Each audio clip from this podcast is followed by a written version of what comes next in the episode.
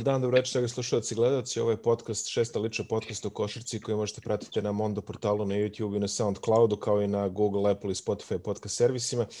Ja sam Miloš Ivanović, a moj današnji gost uživo iz Ankare, prestonice Turske, Vuk Radivojević, sportski direktor UGK. Vuče, dobrodošao, hvala ti što se odezvao. Zdravo, zdravo, hvala za poziv. Evo, ovaj, kao što rekao, ovaj, često dok je pandemija uspemo da hvatamo ljude ovako na svakakvim zadacima, vi danas igrate protiv uh, PTT-a i iz Ankara u FIBA Ligi šampiona, tako da je pre svega da vam poželim sreću i onako ovaj, kad se ovo bude emitovalo, rezultat ćemo znati, jeli, ali... hvala, hvala, da bude dobro. Uh, Vuče, hajde malo da prvo pričaš ovaj, o, o sebi. Oko veći deo tvoje karijere je vezan za Crvenu zvezdu. Ti si zapravo počeo kao junior Partizana, zar ne? da, jeste. To, bitno da svi istaknu uvek. Onda se hvatamo svi prošlosti partizan, nije to sve zvezda, tako da, dobro. Kažem, sve stvarno tu mlađu, kažem, celu školu partizana sam prošao od pionirskih dana do juniorskih i pred ono sam o, prilazak prvom timu sam onda napustio pre profesionalnog ugovora, tako reći, 18 godina. Otišao si u Slogor, tako? Jeste, jeste. Slogu godinu dana, pa posle toga Zvezda. Ti si ovaj, došao u Zvezdu u, u početku kada je Zvezda imala taj ambiciozan projekat, e, Evropska zvezda i sve to što je išlo uz to. Bio si deo te ovaj, prve generacije sa Zmagom Sagadinom. I kako je izgledalo to, ovaj rad sa njime i sve to, dolazak u klub u tom trenutku? Od, upravo u tom momentu mene sve izgledalo, ono, kažem, nestvarno, jer sam tad, tek ono, kažem, sa 18 godina kao klinac jedan iz Beograda, koji ceo život i navio za zvezdu i sve to, da sam se našao u samom središtu toga, pogotovo tad je ono pre toga Zvezda imala dovoljno pro, velikih problema posle ono posle poslednje titule 98. koja uzeta, znamo da su do tada bili problemi i tad su se skupili ljudi u klubu kada kažem na prvo mesto ono Živka Anđelković, Vesić, Žeželj sa dovođenjem Zmaga Sadogradina kada su napravili velike, velike rezultate za sam klub. Tako da je to na prvom mestu izgledalo meni fantastično kažem, kao detetu i ta prva sezona je počela, počela idealno kažem ja, ono, od početka koji sam bio to neki 15-16 igrač na pripremama, sam se vrlo brzo, uh, vrlo brzo došao do, do prve petorke. I tako mogu reći za svakog, kažem, klinca sa 18 godina, uh, da kažemo, ispunjavanje sna. Kako je bilo raditi sa Zmagom Sagadinom u to? Ono slovi ovako kao jedan uh, jako zahtevan stručnjak.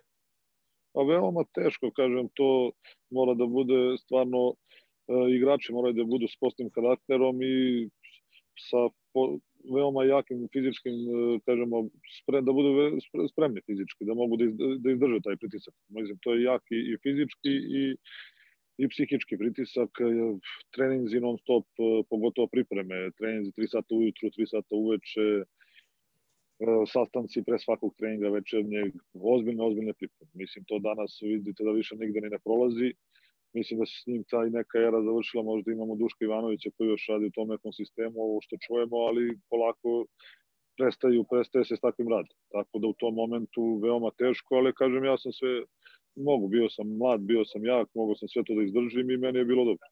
Sada kada gledaš, evo ti si sada sportski direktor, funkcioner, kada bi uporedio takav način rada sa današnjim načinom rada, šta misliš, imali sve svojih prednosti ili definitivno ono što kažeš ovo moderno je bolje?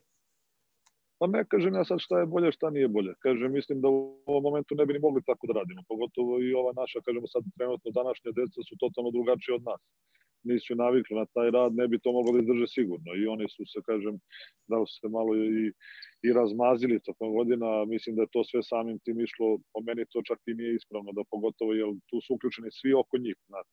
Sad pogotovo ako neko ima neki talent od klinaca ovih naših, to vidimo sa 15-16 godina odmah pričaju, spomenju NBA i ovo, ono, a nisu odigrali jednu ozbiljnu utakmicu. Tako da ni to nije ispravno. Ne kažem ni da je to tada bilo ispravno, mislim, za nas koji smo u tom rasli, u tom sistemu, nama je to bilo ok. Ja sam, kažem, kao klinac i prošao, dok sam bio u Partizanu, te treninge s prvim timom i sa Duletom Viloševićem, pa prešao kod Zmaga, tako da sam imao prošao sam ih sve, kažemo, takve trenere s jakim tim trenizima. Ali sad mislim da to ne pije vodu, sad da kažemo šta je ispravno, šta nije, možda najbolje neka sredina. Ali dobro, prati se sve. Sve, sve sa merom. Pa, to.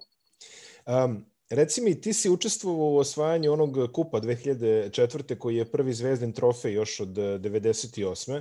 E, sećam se da je to bilo jako emotivno sa strane i igrača i navijača. Kako je izgledao taj turnir? ali taj turnir izgleda fantastično. Nije to bilo 2004, to je bilo treće. prve sezone 2003, druga treće, treće, treće na četvrtu da, da, u suštini, treće, vodi treće, se kao kup 0-4, da. čini e, se. Da. to, to, to. Tako, kažem, ono, srcem do trofeja, to je bilo ludnica, stvarno, kažem, ja mislim, svi mi, onaj učesnici, čak koji su prošli mnogo krenama, tad je Rakočević bio i svi niko to nikad nije, nikad se nije desilo, da se prve tri, da sve tri utakmice završe produžecima, ali kažem, u tom momentu mnogo, mnogo jakih timova. Partizan je bio baš, baš jak, Stepanović igrao, svi su bili ozbiljan tim, Vojvodina sa Gurovićem, tako da je naša liga bila bila, kažemo, FNP, ovo Aškrebić, Nikolić, Vojan Popović, ne nabrajam sad sve, znači su ozbiljni timovi. I znači, kažem, nas su gledali kao outsidere, pogotovo što smo prvu utakmicu igrali protiv Partizana. Mm. Evo, među vremenu i košarkaši i gokeja su počeli da šutiraju na svom jutarnjem da. treningu, tako da čujemo malo i prave košarkaške atmosfere, neće nam smetati. Ovaj. Naravno, da. Vuče, učestvovao si u osvajanju još e, dva kupa, 2006. E, i 2013. Ali ajde, dok, dok dođemo do toga, pogotovo taj 2013. je bio interesantan. Ti si umeđu vremenu imao jednu malu epizodu u Fuenlabradi u Španiji. Kako je bilo tamo?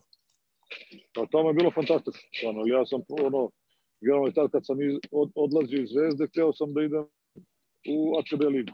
Po meni dan danas isto imam tako mišljenje da ACB liga ubedljivo najbolja liga. Meni odgovara za stil igre, brže se igra mnogo nego druge lige, ne usporava se igra, tako da tada isto bila španska košarka na vrhuncu, sigurno najbolje i želeo sam tamo da odem da se oprobam. Potpisam dvogodišnji ugovor sa Fona Bradom, fantastično mi je fantastično mi je, kažem, i, ono, i, i, i, i došlo i uklopio sam se vrlo brzo tamo i, i u, sam, u samu ekipu i u ligu, tako da je bilo, bilo je dobro. Nažalost, posle te dve sezone krenula je ona ekonomska kriza u Španiji i to većina tih klubova je pretrpela velike financijske probleme i ostalo svi koji samo možeš osim 5-6 klubova ovih velikih, što su dan danas najjači, da mogu da plate igrače koliko treba. Tako da zbog toga sam se i vratio u Španači, u Španiji, inače možda ne bi se ni vraćao. Mislim, želeo sam da ostanem tamo do kraja karijere, jer je stvarno milina igrati. I ljudi žive za košarku i totalno drugačije. Ono kaže, posle nekog dođe pritiska kod nas gde igraš s emocijama i ono sve mnogo je bitnije. Kažeš svaki, svaki poraz utiče na tebe, a tamo dođeš i izgubiš 15 razlike, a prvu utakmicu izgubio od Kuventu, do, tadašnje Kuventu, da koji je osvojio onaj Ulev kup i sa Rikim Rubijem, Ruđe Fernandezom, koji izgubimo 15 razlike. I ona posle utakmice ne znam gde se nalazim, a izađeš ispred, ispred hale i hiljadu ljudi te čeka i pevaju pesme, znaš, tako da totalno jedna drugačija sredina, drugačiji mentalitet.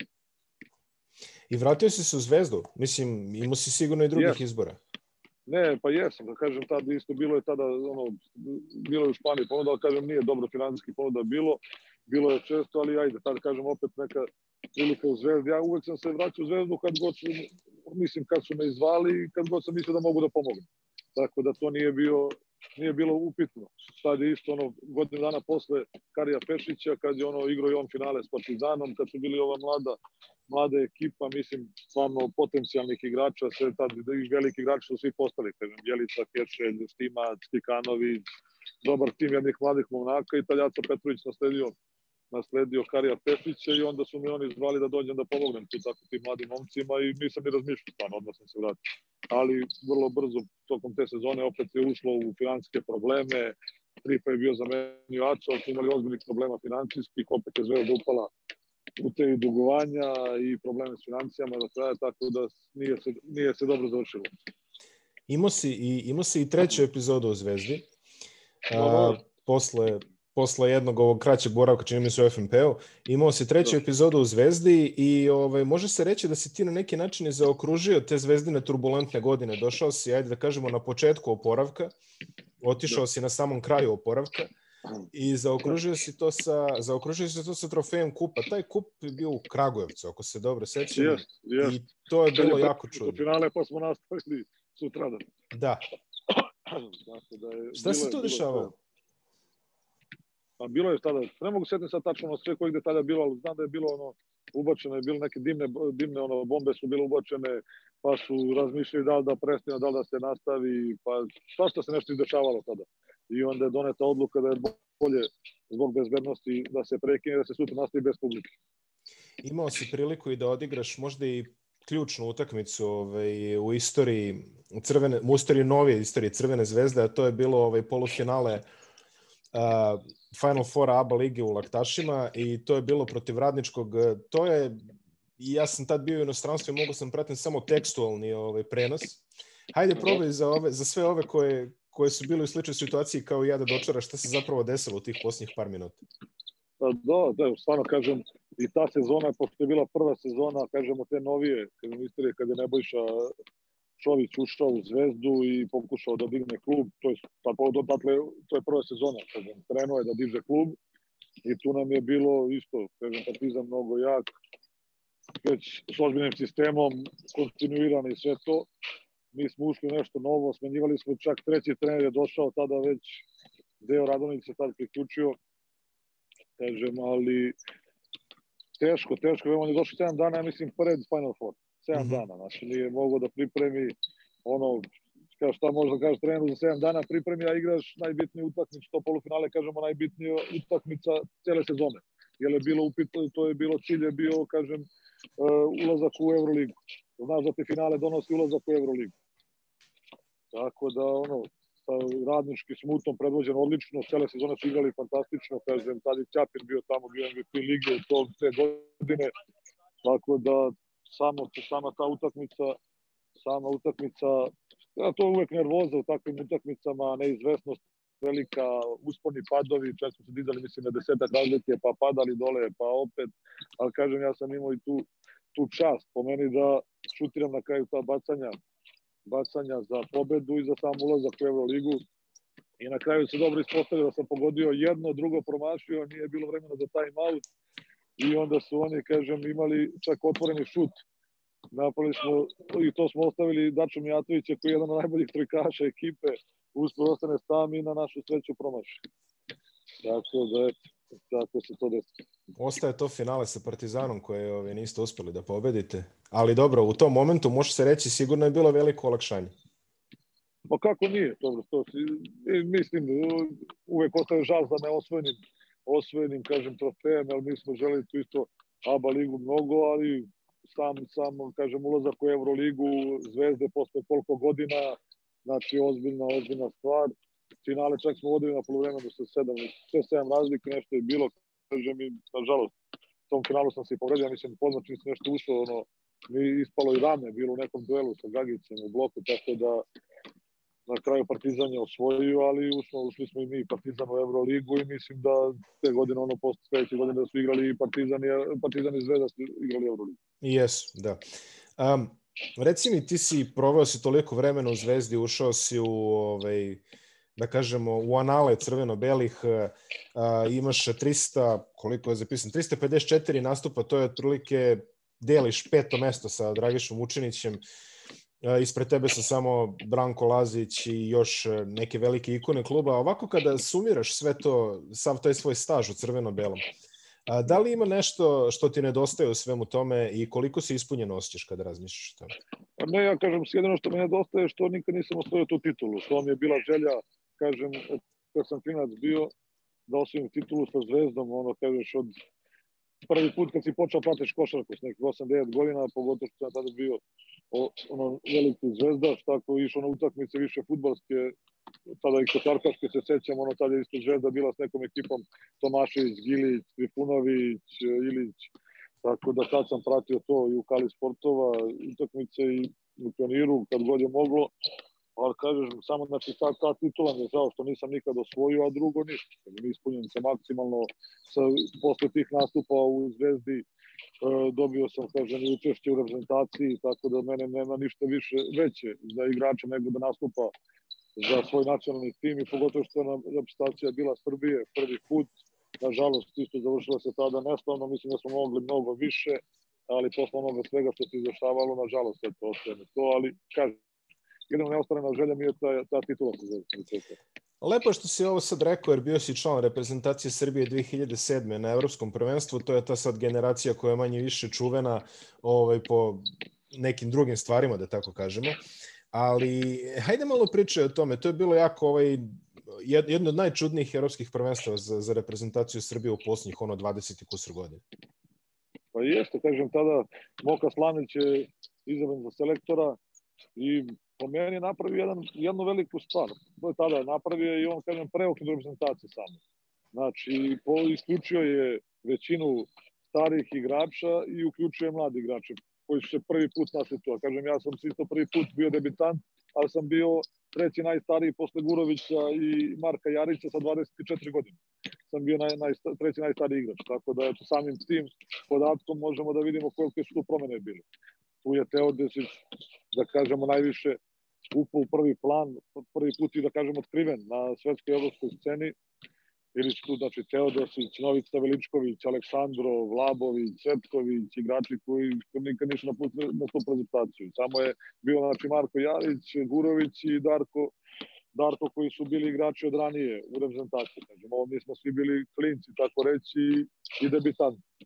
Tako da mislim da žao mi ono što smo, mislim da smo mogli, dobra atmosfera je bila, dobro sve pripremljeno bilo, prva utakmica sa Rusima koji su i osvojili to prvenstvo, znamo da su dominirali, mi smo izgubili na kraju možda nekih 4-5 razlika, koliko se sećam, bila gusta utakmica, držali smo se dobro, ali ona druga utakmica sve, sve presudila na kraju, ceo tok prvenstva i svega i ono što se dešavalo i što je Darka toliko ono emocija emocija probudilo, ne lepih da kažem, ali dobro, tako se desi, on je takav čovek, ali mislim, stvarno smo pokradeni i nažalost nismo dobili tu utakmicu koja bi nas sigurno odvela u drugi krug sa te dve pobede dobili bi Izrael sigurno i prošli bi išli bi, znači mi smo u Granadi igrali, nastavili bi se nastavili bi u Madridu sa čak prenešenim ta dva boda, tako da bi totalno imali drugačiji tok. Meni je žao što nismo Izrael došli da samo prođemo tamo, da odigramo još par utakmica, ali je, mislim da stvarno uticalo ta, ta, taj poraz na momke, pogotovo Darka, Gurkića i Marka, tako da na, izgubili smo na kraju od Izraela i nismo prošli kao profesionalni igrač ovaj, na, na visokom nivou bio si, imao si više puta priliku da učestvuješ u utakmicama gde suđenje baš i ne ide ovaj, na tvoju stranu, da se tako izrazimo. A ta utakmica protiv Grčke 2007. bila je jedan ovako divan primer kako sve to izgleda. No, ja. Da li možeš za gledalce, eto, mislim, naravno, svačiji omiljeni sport u Srbiji je da gleda košarku, da, da urla na sudije, i da, da, ali kako sve to izgleda iz igračeve kože? Kako izgleda to kada si na parketu dole i sve to? A me izgleda kao to, pa, pogotovo u takvim nekom utakmicama koje ti donosi mnogo, pogotovo za nacionalni tim.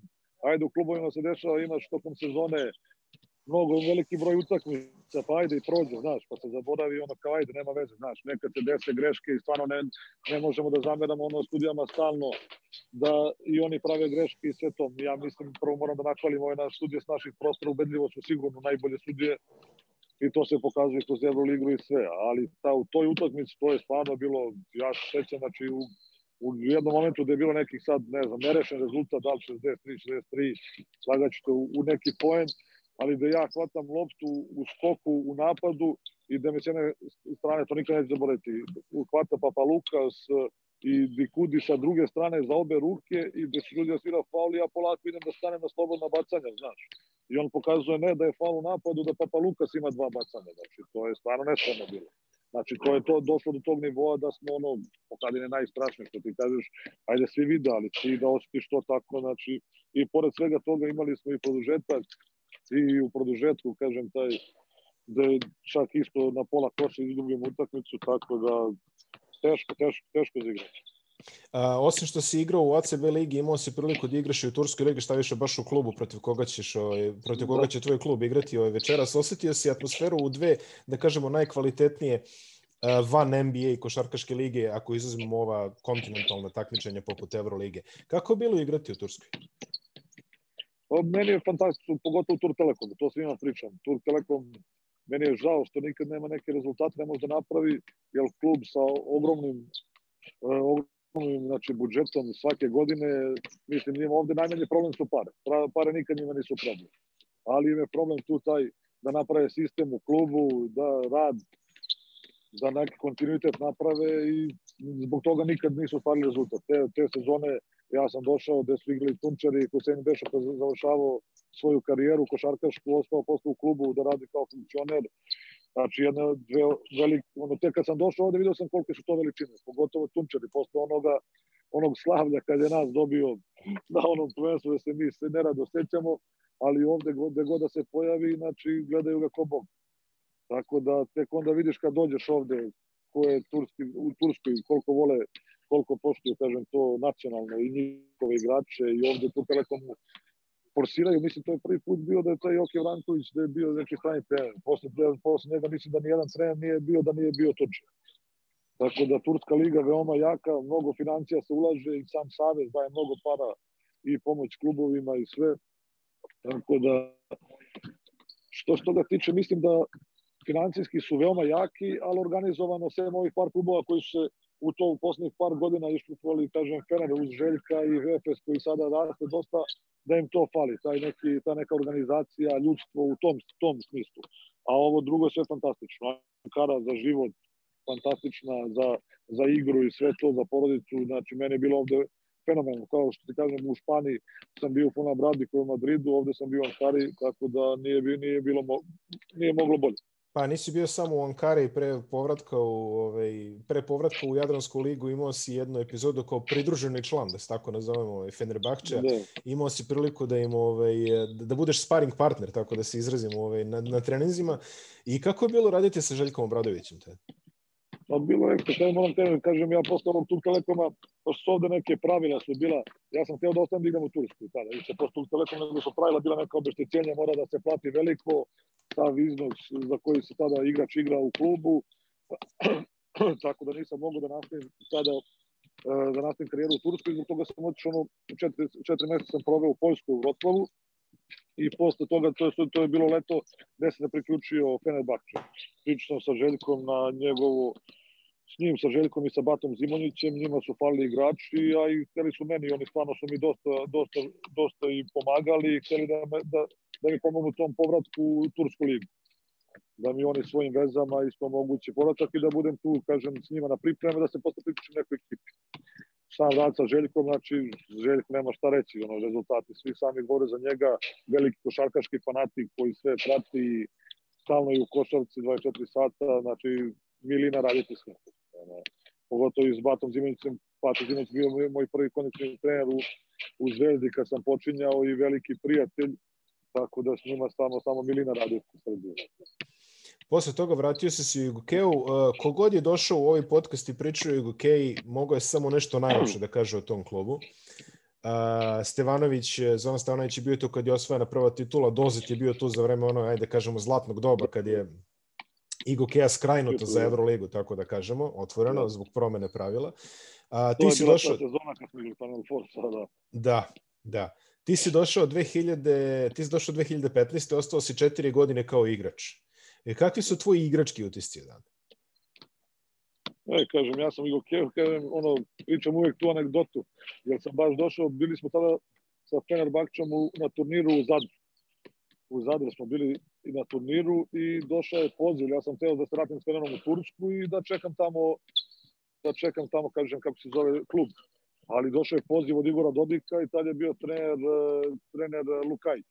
I zvali su me da dođem, ono, kaže, ne mogu, znamo da ne možemo da zadržimo celu sezonu, ali kao da dođe da nam pomožeš kog god je to biti, da li mesec, dva, dok, ne, dok se ne otvori neka, neki klub u Tursku. I ja sam to prihvatio, ali vrlo brzo, eto, posle tih nekih mesec dana sam se osluševio prvo s njima kao s ljudima, jer moram kažem, to su, znači, zbog Igora samog sam i ostao najviše, sad smo prijateljskim odnosima velikim, kažem, i eto, ostao sam četiri godine kao igrač, trebao sam da odigram još jednu godinu, još jednu godinu sam imao ugovor da, da odigram, ali tad je došao je bio tada Trifa za trenera i, i on je isto izrazio da bi mu dosta značilo da budem tu pored njega u ulozi, kažem, to je funkcionera i napravio sam razgovor s Igorom i on je rekao, znači njemu isto da znači da budem tu da mu pomognem oko vođenja kluba i svega toga, tako da sam i tada, tako smo i odlučili da uđemo u, u samo ovu novu, da kažem, neku eru svoj, svoje karijere i života, tako da za Igor Kevu, što se tiče, ti si bitno sad za igračke dane.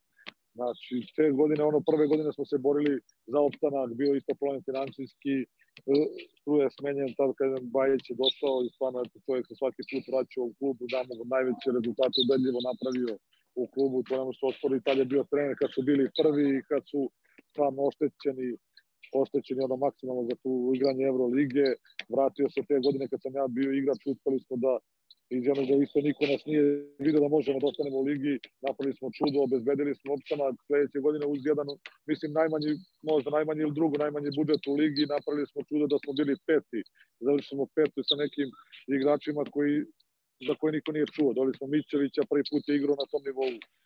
Jamesa Robinsona sa koleđa, to su sve igrači koji igraju stvarno za male financije, male, male plate i mi smo uspeli da napravimo isto opet, po mene tada veliki rezultat, budemo pet.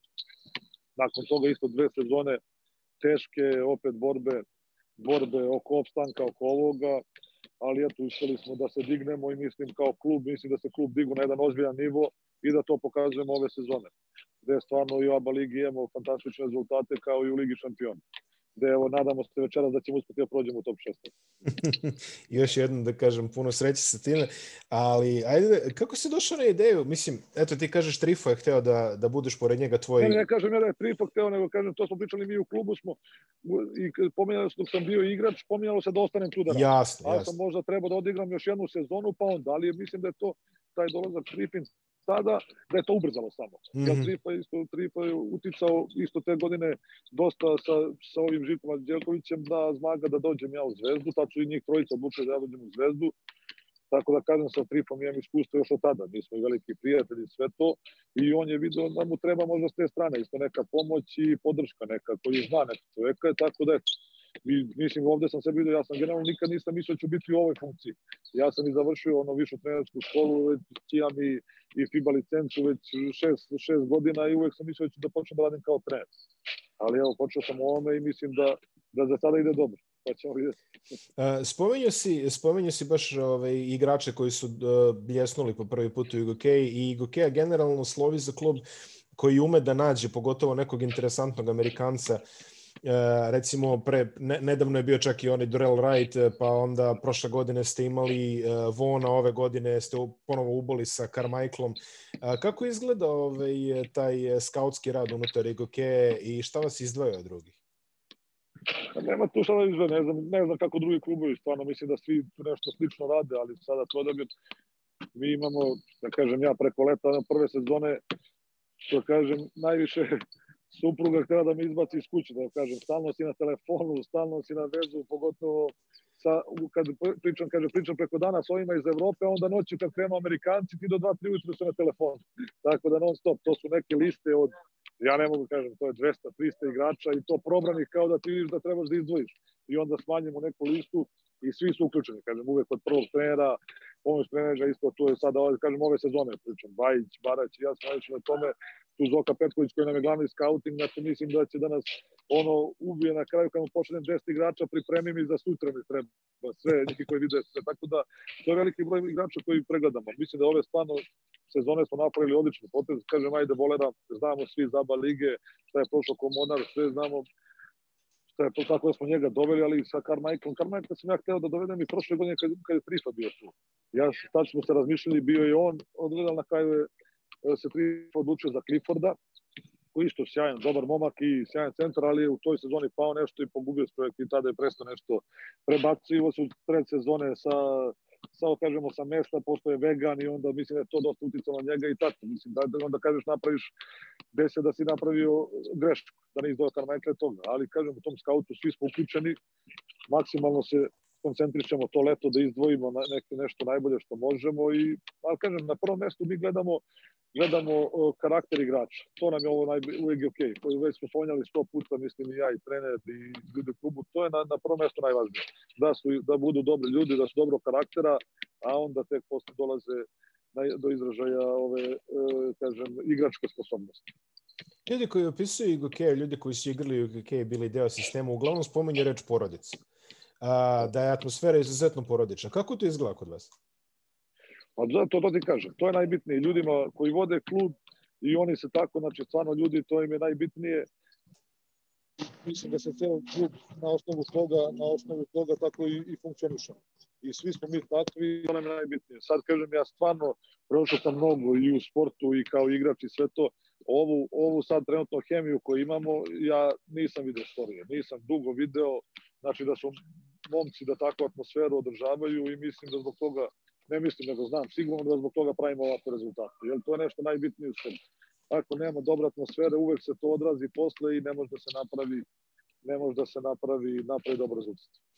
A, u poslednje vreme, evo, pogotovo konkretno ove sezone, znači do ove sezone imali smo, da kažeš, veliku trojku u Jadranskoj ligi i onda ajde u posljednje vreme priključio se i Mornar. Ove godine imamo možda čak i 6-7 klubova koji se takmiče za play-off. A, koliko je teško a, voditi jedan klub u Jadranskoj ligi sa ambicijama da se uđe u play-off kada nisi jedan od tih velikih? Pa dobro, nama kažem nije teško zato što mi i, i na početku ne pravimo takve ambicije. I mislim da je to i velika stvar.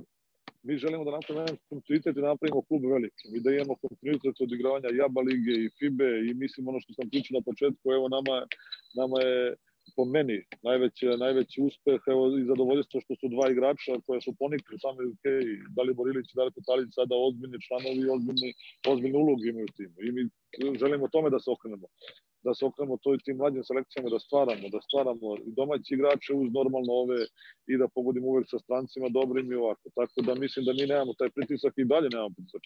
Znači mi imamo šansu veliko da uđemo u play-off, ali napterećujemo se. Znači idemo od utakmice do utakmice, znači ne smemo pritisak ni igračima, ni stručnom štabu, nikome.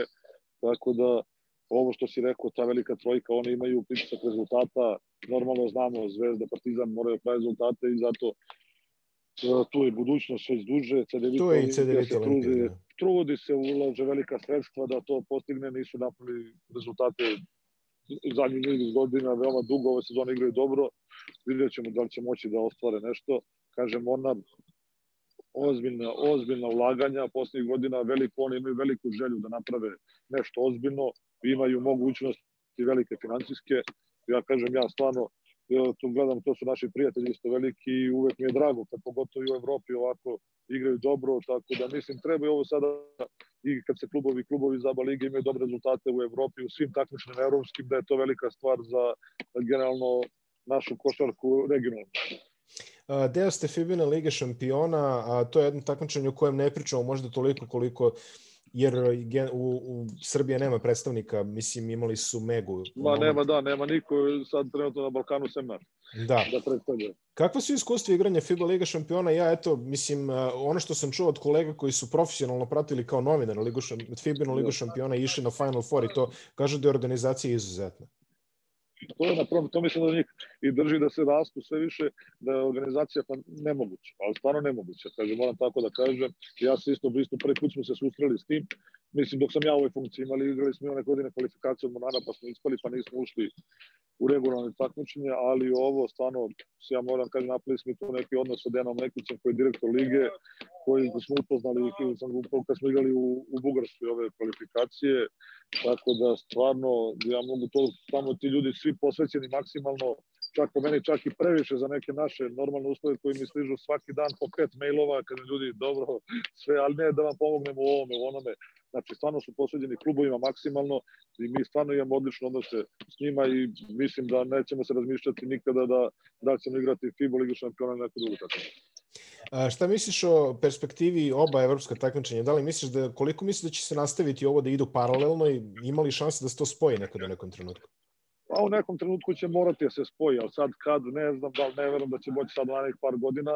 Euroliga je postavila to sada sigurno da je mnogo moćna financijski, napravila je zatvoreno takmičenje i uzela te najbolje, kažem, klubove, ali mislim da trpi košarka, da ni za sve nas nije to dobro, odvajaju klubove, odvajaju sudije, e, kažem, mnogo bolje su sudije tamo na tom e, Euroliginom takmičenju, onda te sudije koji su daba ligu mogu da sude samo Euroligu i tako, znaš. Mislim da to ni, ni za koga nije dobro, onda dođe, dođe švedska evropska prvenstva da sude sudije iz FIBA takmičenja, onda prozori, ne puštaju se igrači iz Evrolige, znaš, mislim to poštovanje između ta dva takmičenja da nikome ne donosi dobro i da to kad tad bi trebalo da se sredi, mislim to je neka naša želja, ali sad vidjet ćemo.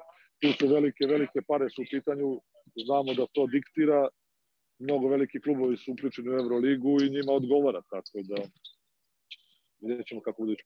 Sve jasno. Ajde još samo jedno da se vratim na tvoje igračke dane za kraj, to je ono pitanje tri najteža protivnika za čuvanje. Eto, ti si bio poznat po visokom intenzitetu igračkom, pa ajde vidimo ko je, ko je to mogao tebe da napravi probleme.